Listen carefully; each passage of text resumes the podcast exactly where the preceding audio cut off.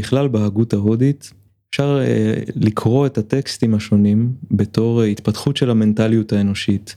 הם ניסו להבין מה גורם לנו אפילו להשתקע בערות, במה שנקרא לו מציאות יומיומית. פילוסוף בשם קורי אנטון אומר שיש לנו בתרבות שלנו awakeist bias, שבעצם הערות זה מה שמאפיין אותנו.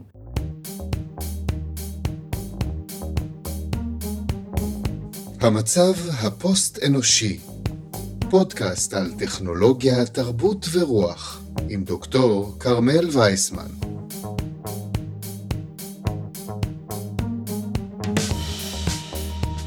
היי, אני כרמל וייסמן, ולפני שנתחיל אני רוצה להזכיר שהפודקאסט השני שלי, דינוזאוריות רשת, על ההיסטוריה של האינטרנט בישראל, עולה מדי שבוע הקיץ ויש בו ממש פנינים, אפילו שריד היסטורי מהפודקאסט הראשון בישראל מ-2004, וצפויות עוד הפתעות, אפילו סלבס של ה nineties העונה.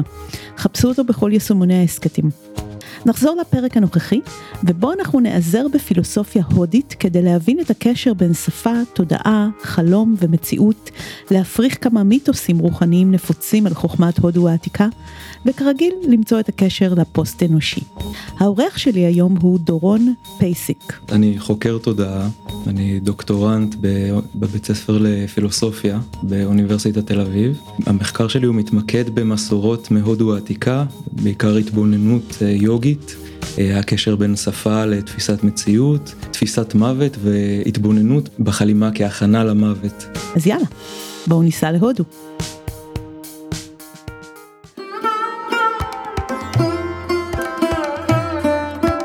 אני למדתי שנתיים אה, סנסקריט באוניברסיטת תל אביב בתזה ואז הלך, נסעתי להודו ארבעה חודשים ולמדתי שם עם מורים מקומיים ויש אה, יותר טקסטים בסנסקריט מאשר יוונית ולטינית גם יחד אז אפשר אה, לקרוא את הטקסטים השונים בתור התפתחות של המנטליות האנושית, התפתחות של אמונות, של תפיסות.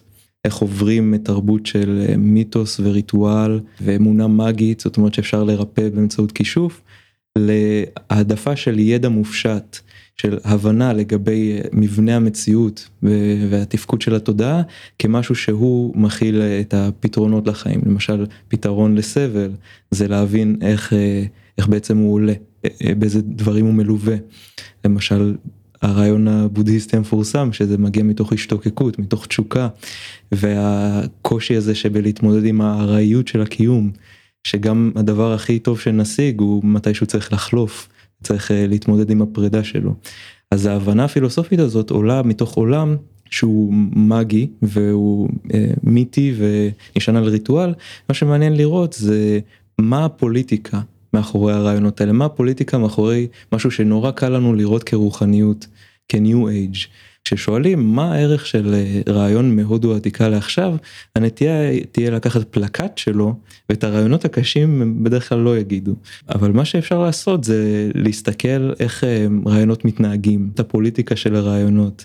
דורון לא רק חוקר טקסטים אלא גם חוקר את זה מבפנים דרך עצמו. וזאת צורת חקירה שעדיין אין לה לגיטימיות אקדמית.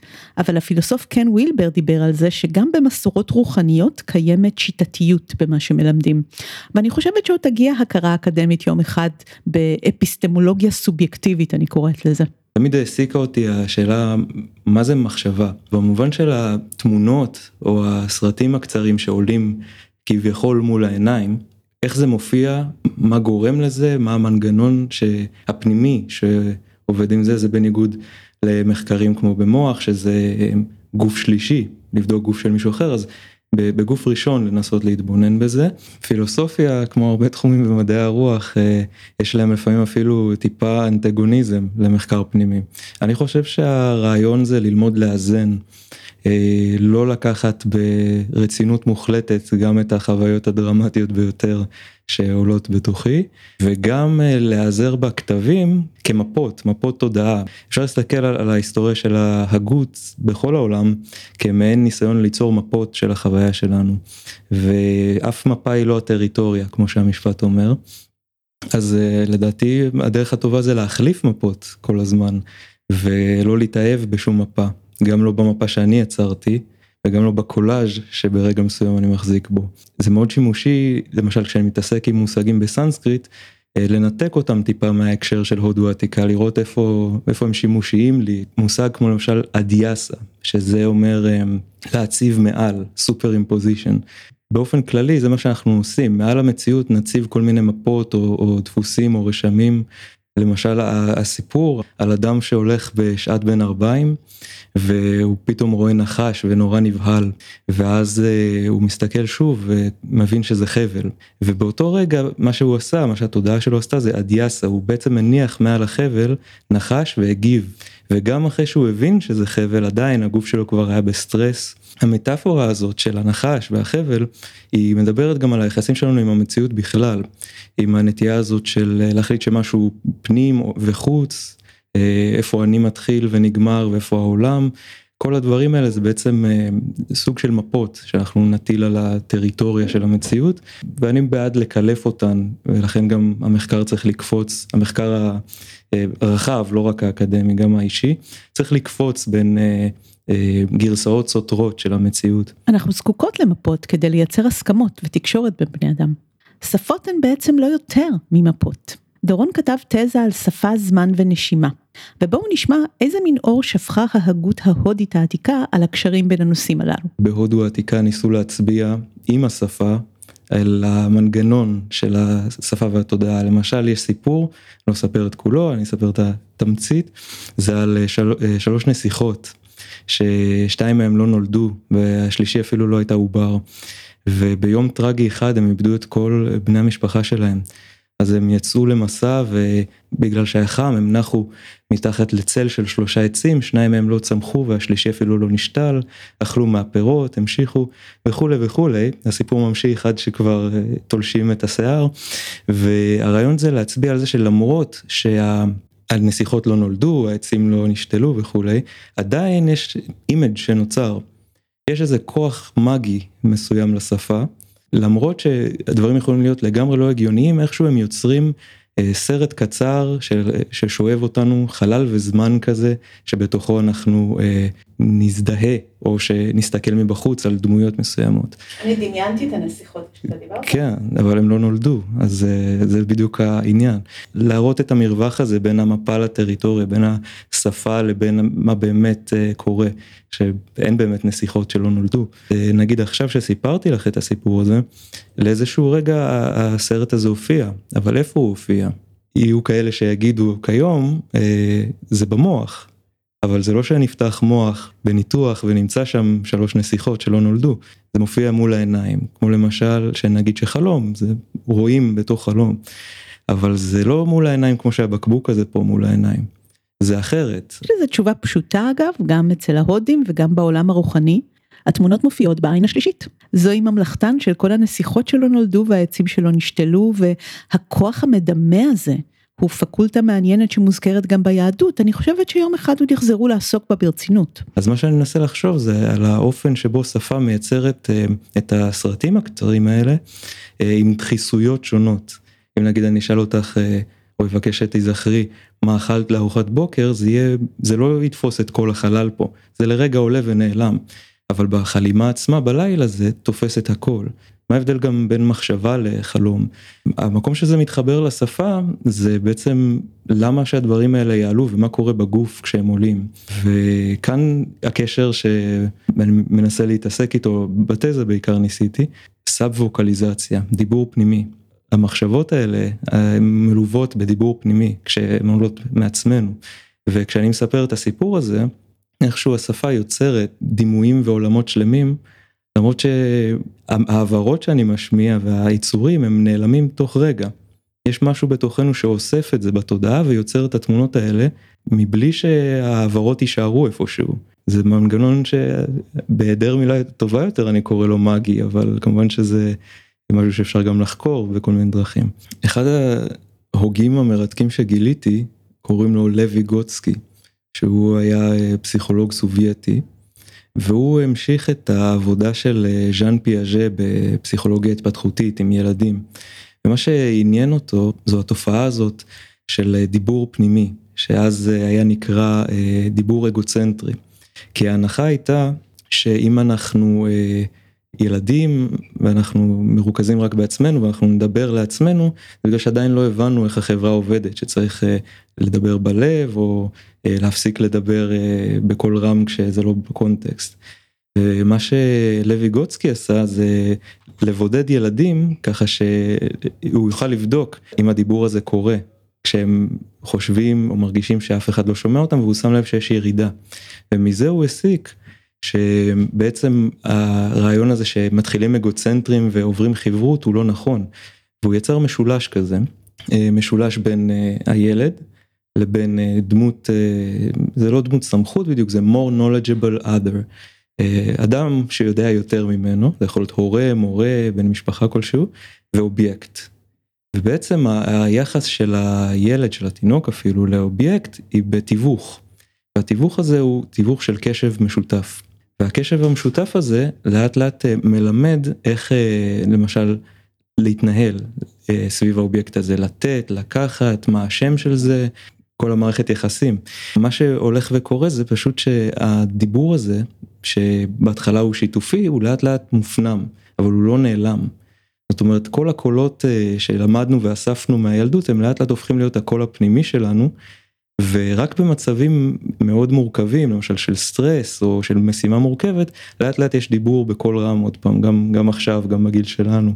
לפעמים אפילו פנייה לעצמנו בגוף שני.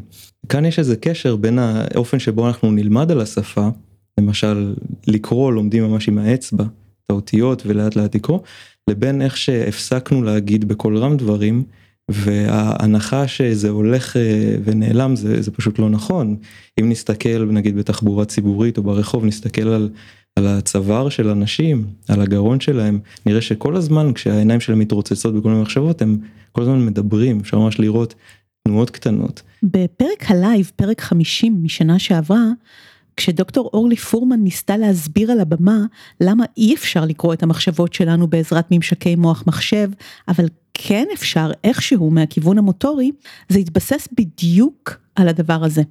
היה סטארט-אפ שניסה לתרגם את תנועות השרירים הקטנות האלה של הדיבור הפנימי שדורון הזכיר, תחת הכותרת המושכת של קריאת מחשבות. של נאסא, הם רצו לשלוט בכל מיני דברים בכוכבים אחרים, כל מיני רכבים כאלה. באמצעות הדיבור הפנימי. זה נעלם אני חושב שעכשיו האג'נדה זה להכניס אל תוך המוח כמו אילון מאסק ולדלג על זה למרות שזה לדעתי עובד יופי. וכשזה יוצא משליטה כמובן שמים לב כשאנשים מדברים בקול רם בציבור אבל כל דבר הוא מלווה באיזושהי תנועה של הנשימה. הציר שמחבר גם את המחקר על השפה וגם השפה והמחשבה וגם פה הנשימה. זה התשובה. כי בעצם יש קשר גם מילולי בין נשמה נשימה יש את זה גם בסנסקריט אטמן ממה שאני קורא ומה שאני מתרשם ממחקרים גם אנתרופולוגיים גם בהודו העתיקה וגם ביוון שהקשר בין האדם לנש... לנשימה היה הרבה יותר חי וער מאשר שלנו כיום. והשינוי למשל שיכול להיות בנשימה במצבים של דיסוציאציה למשל במצבים של טראום, טראומה, פוסט טראומה וכולי, הנשימה יכולה להיות מאוד כזאת כבויה. איפשהו להחזיר את הנשמה זה להחזיר גם את הנשימה המלאה ואת הערנות ואת החיות של האדם. הרעיון זה שכשבן אדם במצב לא טוב בהווה המסוים צריך להחזיר לו את החיות שלו, אחרת הוא יחלה וימות. וזה קשור לאפקט שנקרא נוצבו, שזה ההפך של פלצבו. אם אמונה יכולה לרפא אז גם יכולה לגרום לחולי ולמוות. לשמור על אמונה מסוימת כמו לשמור על סוג מסוים של מצב תודעה שמאפשר להמשיך לשרוד זה הכרחי בתרבויות שהן חיות מוקפות בטבע האכזרי. כמובן שאפשר לנסות לחקור את זה בצורה מדעית.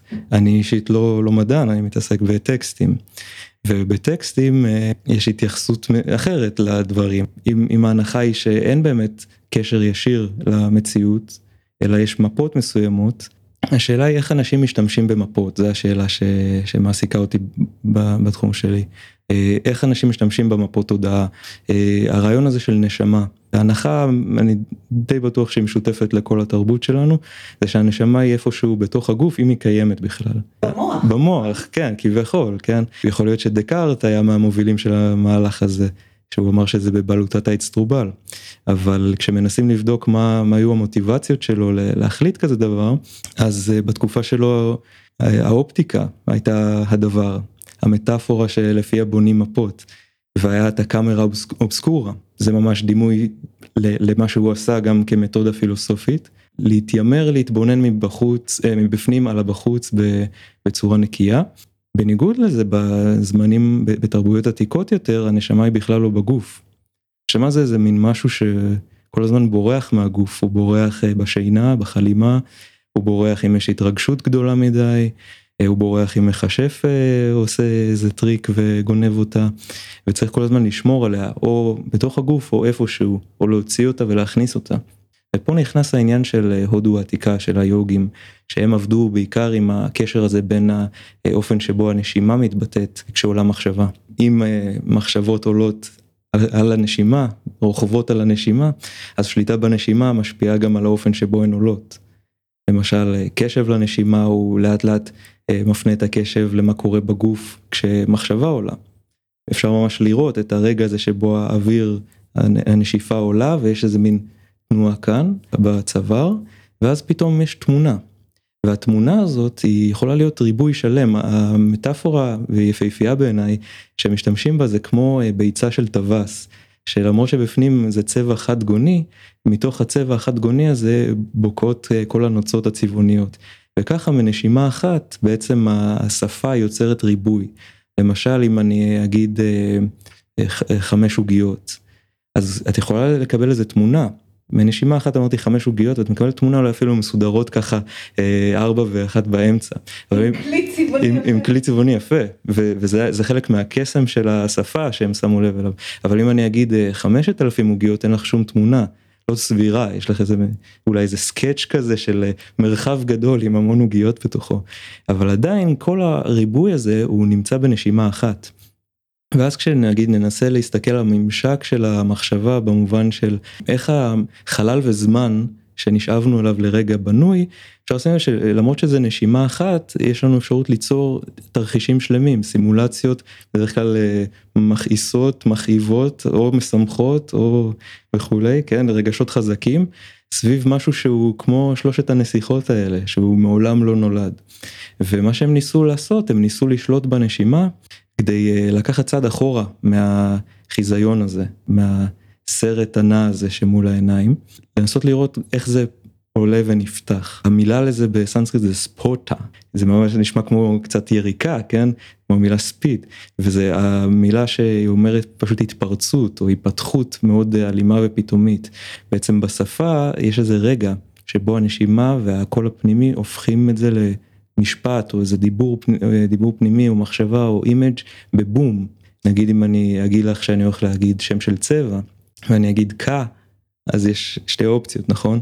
עכשיו מספיק שאני טיפה אשנה את התנועה בפה שלי, אם אני אעשה נגיד ק, כבר יש איזה הכרעה, הכרעה מסוימת והצבע מופיע. אלה הניואנסים שהם שמו לב אליהם וניסו לשחק איתם, לכן אני מאוד uh, מתעניין באופן שבו הם התבוננו בתודעה. אנחנו רגילים ורגילות לחשוב בעיקר על המשמעות של המילים, אבל הצליל של השפה היה אחד הדגשים המעניינים שדורון למד כשהוא חקר את הקשר בין יוגה לשפה. זה תרבות שאומנם יש בה כתבים, אבל זה יחסית כניסה מאוחרת. הרעיון היה לזכור בעל פה דברים, להתבונן בצליליות של השפה, אלה דברים שלאט לאט שכחנו. המטאפורות שלנו הן די קפואות וריקות, אבל יש מאחוריהן איזה כוח צלילי, אני חושב שזה נחשף הכי טוב עם אונומטופיה, כמו קוקייה או בקבוק, דברים שמחזירים לנו את הקשב לזה שאנחנו בעצם מפיקים כל הזמן צלילים עם הגוף, ולצלילים האלה יש רגש. ההנחה ביוגה זה בעצם, אה, אפשר לתרגם את זה יותר כמדיטציה או כהתבוננות. היחס שלהם לשפה הוא שונה, כי הוא לא שם במרכז את היחס בין הייצוג לאובייקט, אלא שיש שם אה, עוד איזה משהו במתחת, שזה הרעיון הזה שאנחנו מפיקים צלילים מהגוף, אנחנו מפיקים רטטים מהגוף. והרטטים האלה מורגשים ומעבירים משהו שהוא בדרך כלל הוא חומק מהפן הסמנטי, מנסים להזכיר איך שהוא שם. וזה מאפשר לנו להפריך מיתוס על מהי מנטרה למשל. טרה זה סיומת של אינסטרומנט, מן זה השורש של לחשוב, כמו mind, אז אה, מנטרה זה בעצם, זה לא משהו עם משמעות בדיוק, זאת אומרת זה רצף של הברות חסרות משמעות.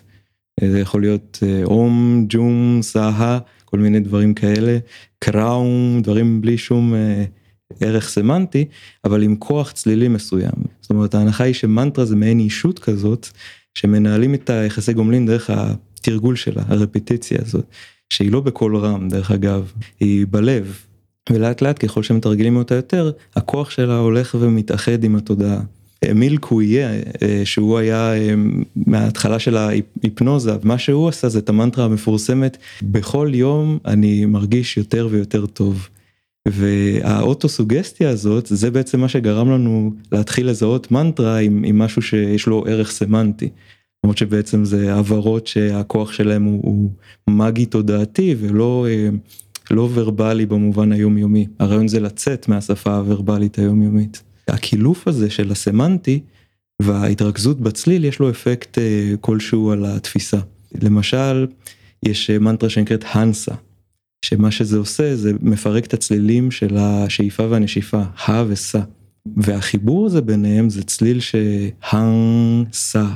ההן הזה שלא קיים אצלנו, שזה מעין אינפוף כזה, כשאת אה, עושה אינפוף בלב, וזה בדיוק בין הנשימות, זה גורם לך אה, להישאר יותר זמן במרווח בין הנשימות. ולאט לאט הנשימות מאטות, ויוצא שהמנטרה הזאת היא בעצם מפעילה את הגוף בצורה מסוימת דרך צלילים שלנו אין אה, בשפה כמו ולאט לאט הגוף נכנס למצב תודעה מסוים. אז זה ממש אה, לנסות להפעיל את התודעה דרך הכוח הצלילי של השפה ושפה לא רק במובן הסמנטי. ההנחה שלנו זה שהשפה איפשהו היא באמת אה, משהו שמקביל לאינטליגנציה ותודעה אבל יכול להיות שבצליל אחד כל חיה מעבירה יותר אינפורמציה ומשמעות ממה שנעביר בספרים וספריות כי המשמעות אולי נקבעת על פי הצורך הקונקרטי ברגע הנוכחי. אפשר לחשוב גם על המצוקות שעולות מהמחשבות חשיבת יתר כמשהו שהוא חיסרון כל הדבר הזה שנהלל היכולות הוורבליות שלנו השפה האינטלקט בעצם זה גורם להמון מצוקות אם יזרקו אותנו לסיטואציה הישרדותית אז פתאום האני הפנימי הזה המנותק מהמחשבות יהיה נורא חי ויעזור לנו לשרוד אפשר לדמות את זה בהמשך לפילוסוף בשם אה, פיטר וסל זאפה אה, לדמות את זה לצבי מיתולוגי כזה פרה היסטורי שהקרניים שלו גדלו כל כך שהוא פשוט לא שרד. גם התמחות יתר וגם אה, גם גדילה מסוימת של משהו מחוץ לפרופורציות שלו מסכנות את, ה, את הקיום שלנו. אז במובן הזה כשהתודעה שלנו או שהחשיבה שלנו התפתחה וגדלה זה הביא המון מצוקות אפשר לדאוג על לגבי דברים שהם לא פה בכלל שיכול להיות שלא יקרו אף פעם. אפשר להגיע לכזאת דרגה של אה, מצוקה שזה גם פוגע בגוף גורם למחלות ולהתאבדות למוות זאת אומרת הרעיון הזה של להקטין את החיות ולהעלות אותנו כי הצלחנו לשחק עם המטאפורות בצורה כזאת אסתטית זה זה מפספס את זה שאולי בעצם הניסיון האמיתי שצריך לעשות זה להחזיר את הצליליות של השפה. להחזיר את הכוח החייתי שיש מאחורי המילים להתעלם קצת מהסמנטיקה מהמושגים מהמטאפורות ולהתרכז במה הגוף מביע דרך הצלילים האלה. מרחב השפה הוא בעצם מרחב המציאות הווירטואלית הראשונה שלנו. המפה הראשונה שמרוחקת מהטריטוריה ואולי אפילו גדולה ממנה. אנחנו רואים בה את היתרון הגדול של המין האנושי. אבל אולי דווקא מוטציה, שיגעון, מטען עודף שלנו. והמשמעות של הפוסט אנושי כאן יכולה להיות שיבה אל המרחב האקוסטי הזה שדורון מדבר עליו, הילידי, החייתי, האמיתי, שבמרווח בין המפה לטריטוריה. Ganapati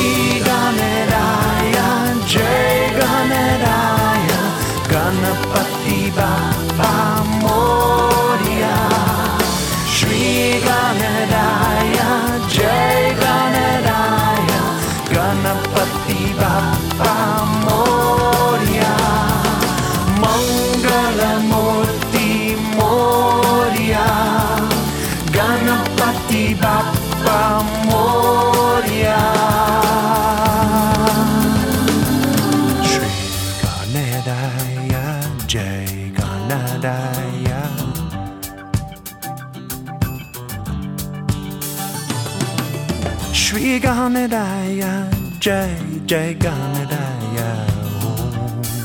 מזמן לא שילבתי מוזיקה בפודקאסט, אבל אי אפשר לדבר כל כך הרבה על הודו, צלילים ומנטרות בלי לשים את המנטרה היפה הזאת שדניאל טיילר פונקי, זיכרונו לברכה, שחי בהודו הרבה שנים, הלחין, שרי גנריה מתוך האלבום Brave New World. תודה למאי שגב פונקי שמאפשרת לי להשתמש במוזיקה היפה שלו, ובואו נמשיך.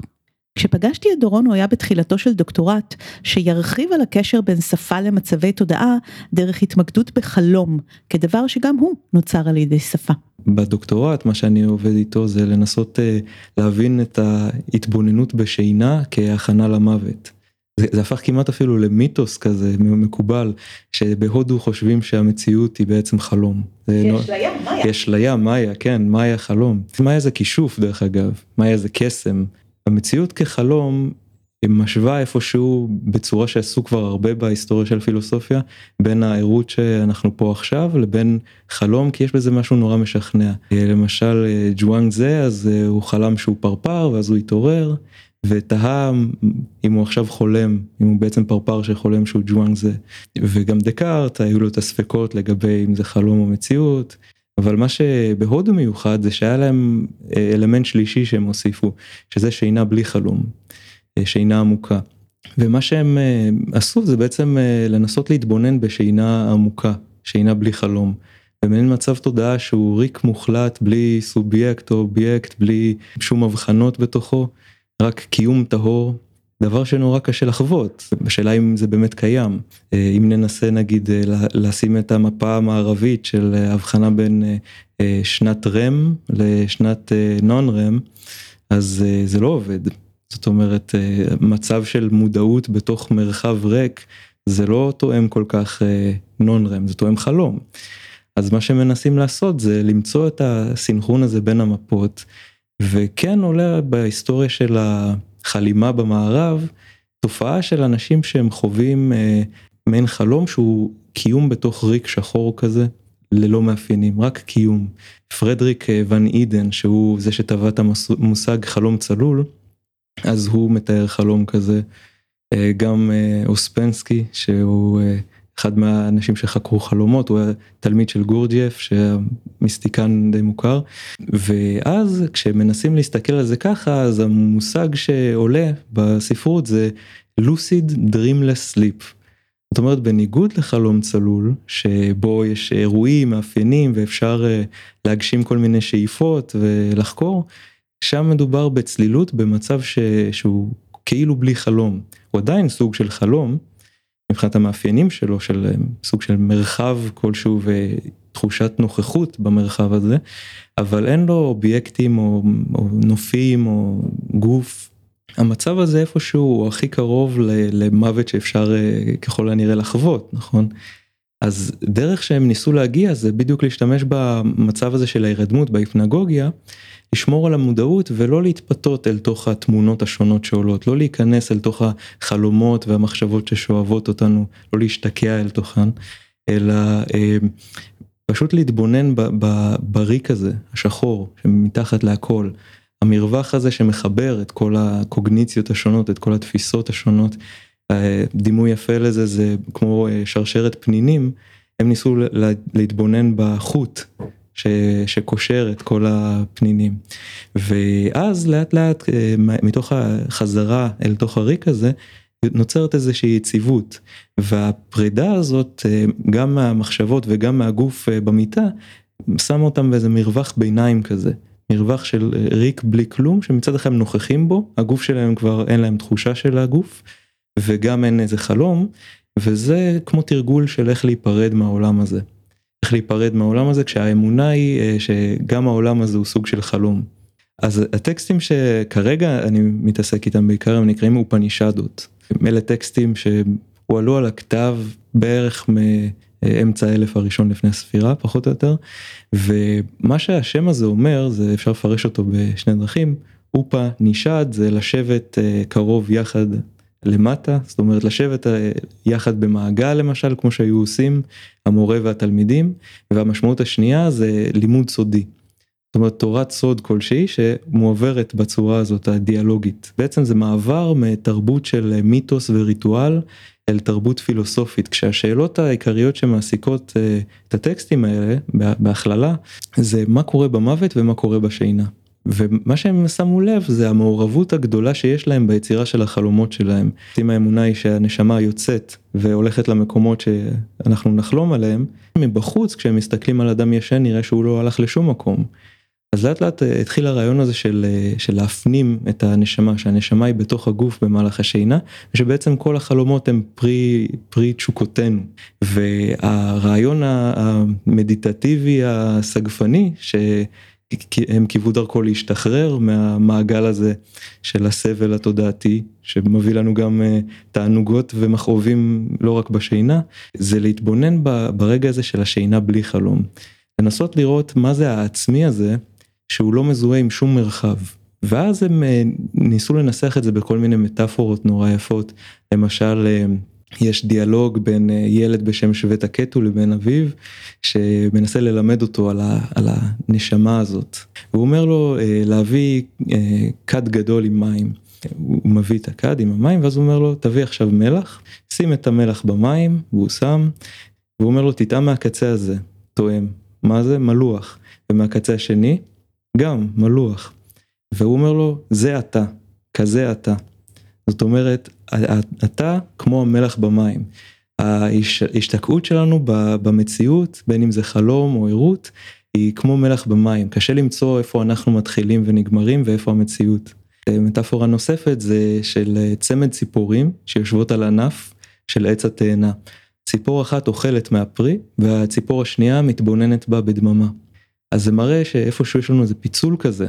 יש את הצעד הפעיל שאנחנו נזדהה איתו, אני עושה ככה, אני לומד פה, חוקר שם, ויש עוד איזה צד פנימי שקט שרק מתבונן בדממה, והצד הזה הוא נחשף בדרך כלל בדברים מיסטיים, טראומטיים ורגעים חזקים כאלה, שבהם ההזדהות עם הגוף, ההזדהות עם התדמית שבנינו לעצמנו, היא לאט לאט מתרופפת ויש התבוננות אחרת. אז מה שטקסטים למשל כמו האופנישדות ובכלל טקסטים עתיקים אפשרים לעשות זה להתייחס אחרת לתודעה שלנו, למפה שלה של איך היא בנויה.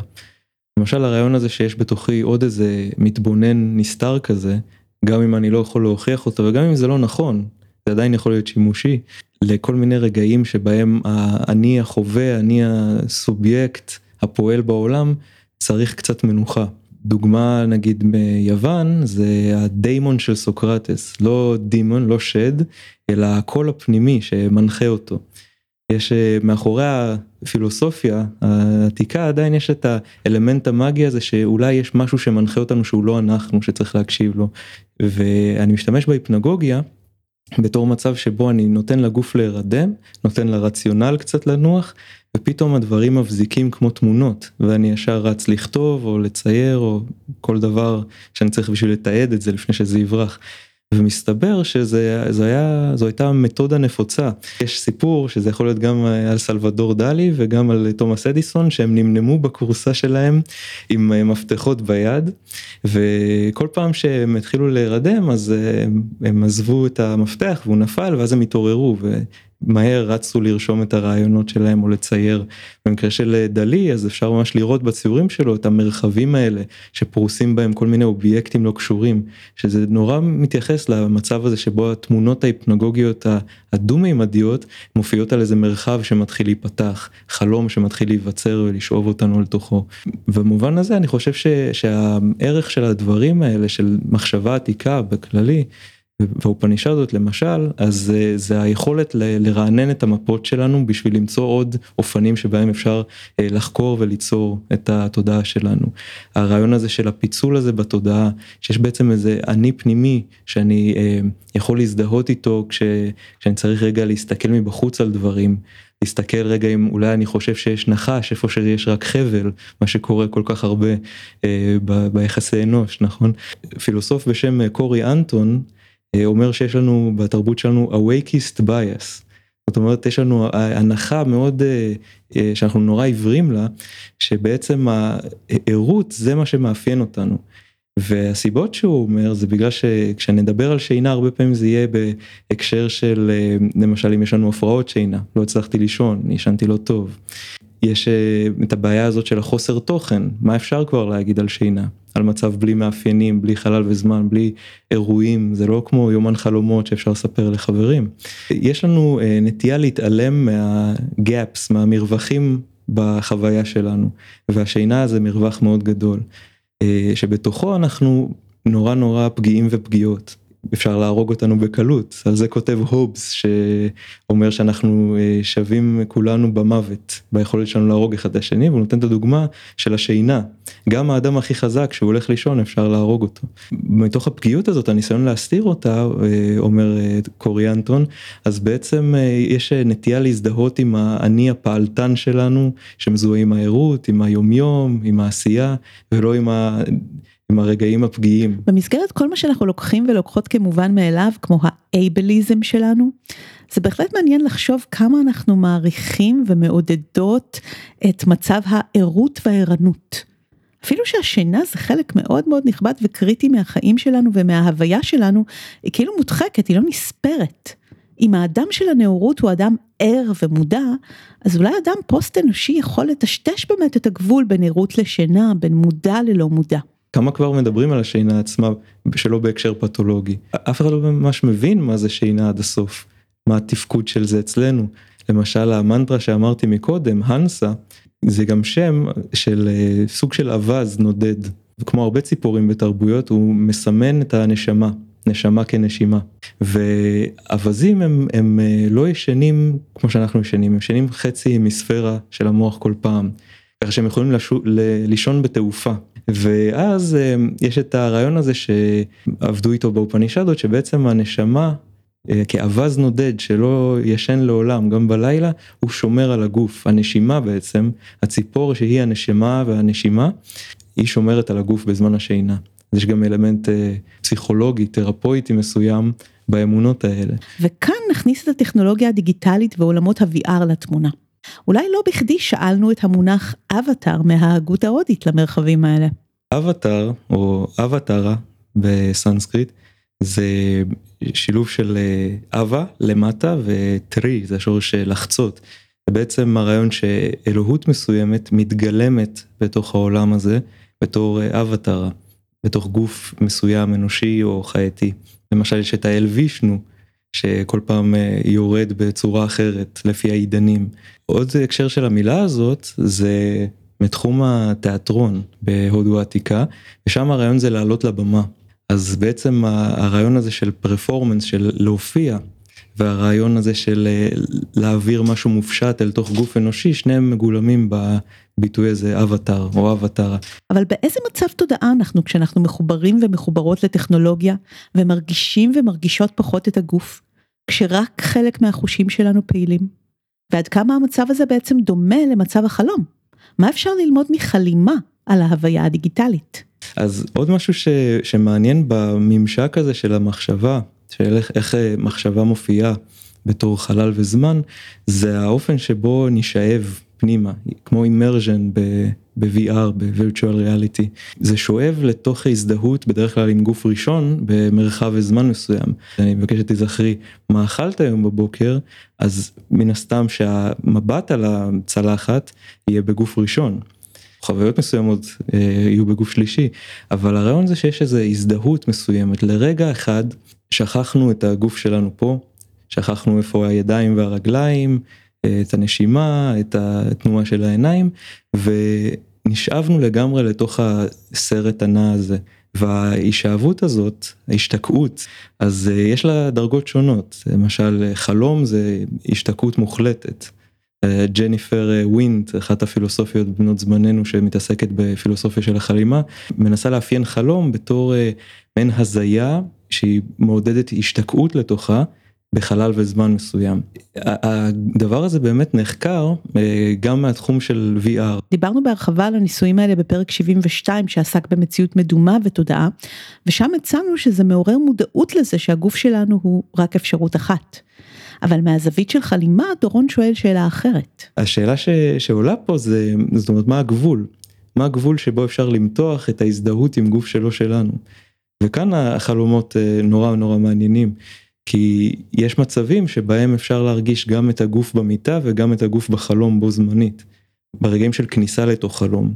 אם מתבוננים בתהליך הזה של ההירדמות, אז uh, לאט לאט הצורות והצבעים המוזרים שמקבלים דפוסים בעיניים עצומות, הם הופכים להיות uh, כל מיני תמונות דו-מימדיות.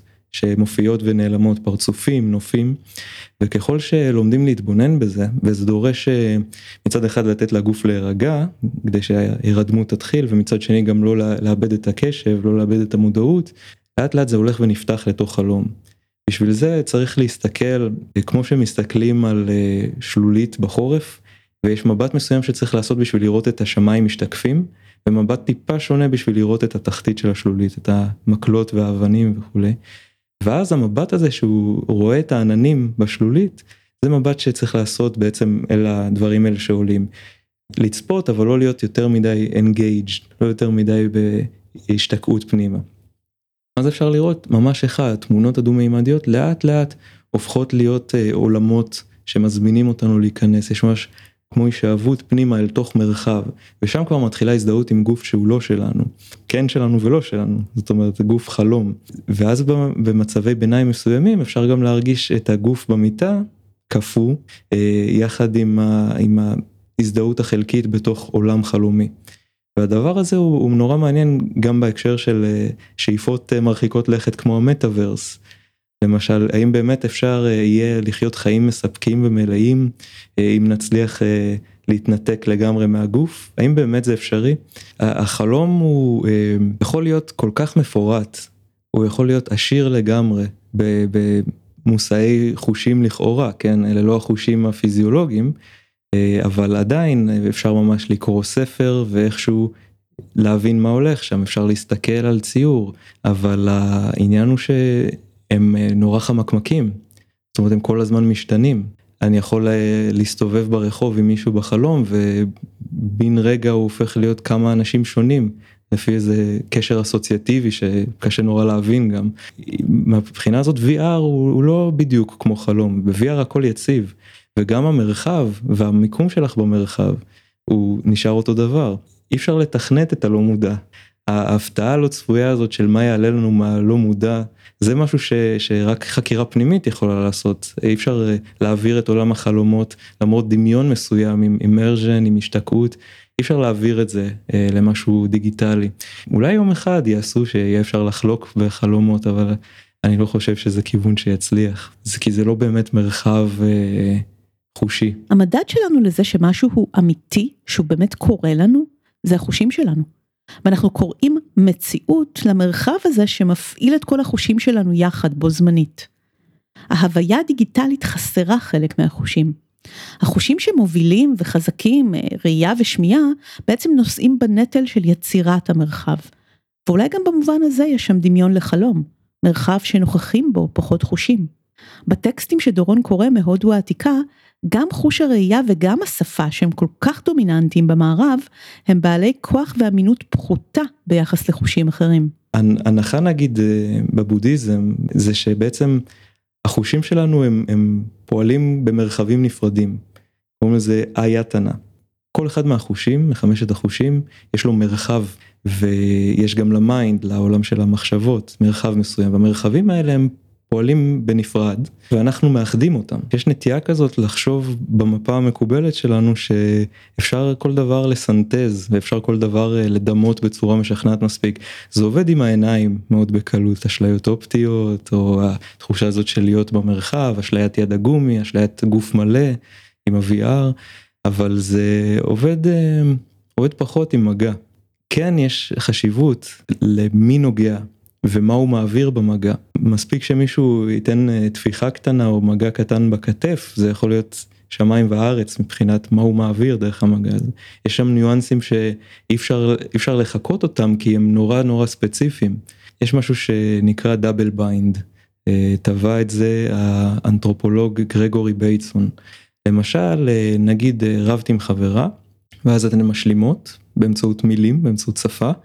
ואז אתן מתחבקות ואת מרגישה בחיבוק שלה שהיא לא סלחה לך. אז את נמצאת במלכוד double bind. זאת אומרת במגע עובר משהו שהוא הרבה יותר עמוק וייחודי מאשר מילה. זה גם עובד עם צליל, לא תמיד שומעים את הנימה הכי טוב, בגלל הכוח הסמנטי של השפה. לפעמים המילים משכנעות ויש איזה נטייה להתעלם מהנימה, שהנימה מעבירה משהו אחר לגמרי. יכולה להעביר אגרסיביות והמילים יהיו חמות, או הפוך. אה, אבל המגע נורא קשה לטעות איתו, וזה משהו שלדעתי אי אפשר אה, יהיה בכאלה ניואנסים אה, להעביר בצורה דיגיטלית בין אנשים. לפני מאה שנה, תיאודור אדורנו לחם בצליל המשועתק של המוזיקה ברדיו.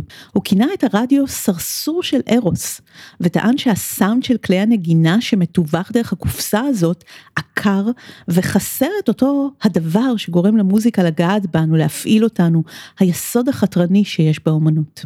אם הוא היה חי היום ושומע את ענייני המוזיקה שמעדיפים את הסאונד של תקליט הוויניל על פני הספוטיפיי, הוא היה נוחר בבוז כי זה שיעתוק טכני וגם זה שיעתוק טכני.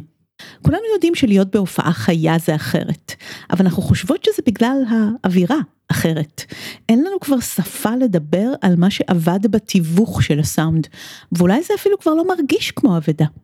ניסינו לדבר על זה קצת בפרק 29, דרך התיאולוגיה היהודית של הטכנולוגיה שיותם יזרעאלי ואנוכי ניסינו לפתח, וגם לדורון יש דרך לדבר על זה דרך הלימוד שלו מהינדואיזם. הקטע עם האוזניות זה שזה מייצר אשליה של מרחב דרך המיקום של uh, הצלילים, אבל יש משהו בצליל האמיתי, זה לא רק האוזן שומעת.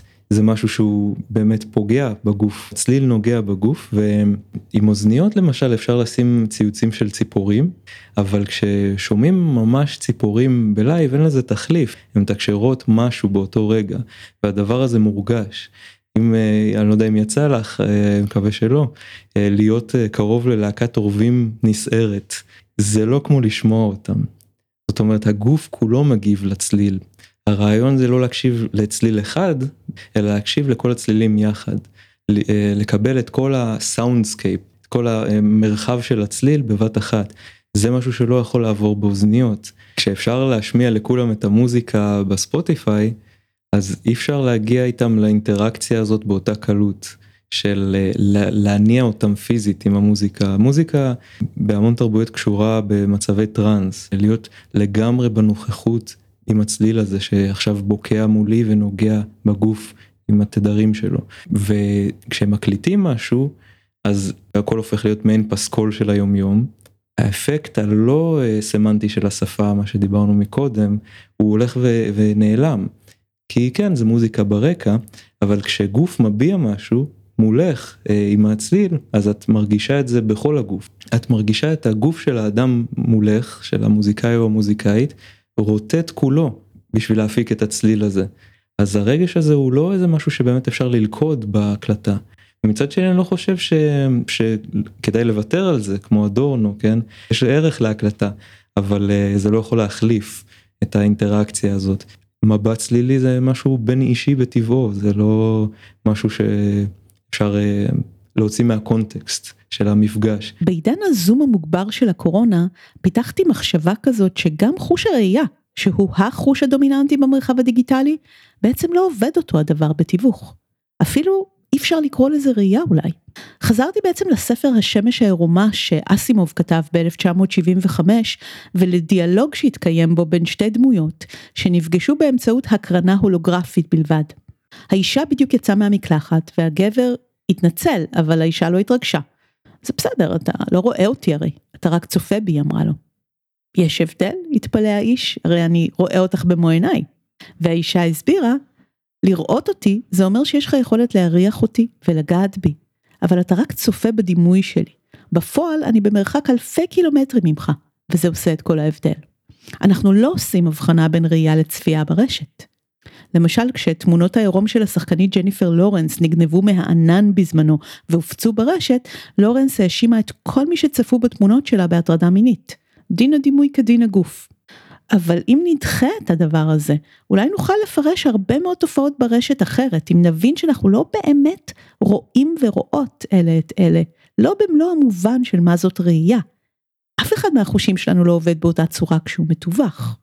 פעולת הראייה, כמו שאמרה אותה אישה בספר של אסימוב, מערבת ומחייבת התגייסות מסוימת של חושים נוספים, לפחות את האפשרות שלהם. אפשר לגעת, אפשר להריח. היא נטועה באיזשהו מרחב ובהקשר ספציפי. בעוד שהדבר הזה, שקורה ברשת, שאני מציעה לקרוא לו צפייה, אנחנו צופים אלה באלה, זה מצב פנומנולוגי שונה לגמרי, שיש פה פסיביות חושית גדולה יותר. אולי אני אפתח את זה בהזדמנות אחרת. עכשיו נחזור לדורון. אני מארחת בעצם חוקרים וחוקרות בשלבים שונים של המסע שלהם בפודקאסט הזה, ועם דוקטורנטים דברים לפעמים משתנים במהירות. כשפגשתי את דורון הוא היה ממש בתחילת הדוקטורט. היום, שנה אחרי, הוא כבר רואה קשר עמוק יותר בין התזה שלו על דיבור פנימי, לבין הדוקטורט שלו על חלימה. והוא מספר לי על מושג חדש שהוא עובד איתו עכשיו, שנקרא offline perception, שמתייחס לכל מה שהתודעה מייצרת במנותק מהחושים. כי חלום זה לא רק הדבר הזה שקורה לנו בלילה, אלא גם דברים שהשפה מייצרת לנו במצבי עירות, כמו חלומות בהקיץ, הזיות ועוד. בעצם יש מנגנון אחיד מאחורי כל מצבי התודעה הללו. ואם נחזור רגע לסיום לדורון של שנה שעברה, שלא הקשבנו בפרק הזה, כך הוא מסכם את מה שהוא מפיק מההגות ההודית, ואיך שהוא קושר אותה לטכנולוגיה, שפה ותודעה. גם ככה איפשהו ביום יום יש לנו אה, משקפי VR אה, בלתי נראים. והמציאות עצמה שנראה היא לא בדיוק המציאות זה דברים שונים בין בני אדם שונים או חיות שונות. והרעיון של יוגה למשל של הרעיון הזה של המדיטציה של לנסות לראות משהו מעבר לדפוסים הרגילים זה להוריד את ה-VR ולהסתכל מה מה יש מחוץ לזה שאלה אם יש. לא כולם הסכימו על זה שיש מחוץ ל-VR שלנו. יכול להיות שהכל בתודעה שלנו הציעו מסורות מסוימות. ומסורות מנגד, כאלה שהדגישו יותר את הפן החייתי של השפה, הם ניסו בדיוק לשים לב על האופן שבו ה-VR הזה שוב ושוב יוצר אובייקטים, האופן שבו את ואני ניכנס ונצא ממחשבות במהלך היממה, וזה ישאב אותנו בדיוק כמו שהחדר הזה פה יכול לשאוב אותנו. זה משכנע שאנחנו כאן, אבל אם נפרק את זה יש כמה מערכות שונות, יש תפיסה, כן, פרספציה, חושים השונים. יש אה, פרופריוספציה שזה בעצם המנח גוף בישיבה או עמידה איפה היד איפה הרגל וכולי שיווי משקל גם. יש אינטרוספציה תחושה של הנשימה של הקצב לב של התחושות בבטן למשל כל אלה מתחברים ונוצרת מפה מאוד משכנעת. המציאות עצמה יש לה השתקעות נורא גבוהה ביומיום ובכלל בהגות ההודית גם זה לא מובן מאליו וזה מה שהם ניסו אה, לקחת צעד אחורה ממנו הם ניסו להבין מה גורם לנו אפילו להשתקע בערות במה שנקרא לו מציאות יומיומית. אז אם בפרק 72 אמרנו שהגוף הוא רק אופציה אחת, ההגות ההודית העתיקה מרמזת שגם המציאות הזו היא רק מציאות אחת, מיני רבות אולי. וזה מה שסקרן את ההודים. כיצד ולמה המציאות הזאת כל כך משקעת ומשכנעת, שדווקא לה אנחנו בוחרים ובוחרות להצמיד את הטייטל המציאות בה"א הידיעה. חלק מהתשובה בעיניי היא שהממשקים שלנו, החושים, הגוף, נבנו במיוחד לתאימות למציאות הזאת. ואולי אותו פוסט אדם שחותר להתגבר על התנאים האלו באמת ייעזר במרחבים ובמצבי תודעה אחרים, ואולי אפילו יתגלו בפניו כמה מרחבים ומצבים חדשים. עד כאן להפעם. שני הפרקים הבאים שלנו יתכתבו עם הפרק הזה.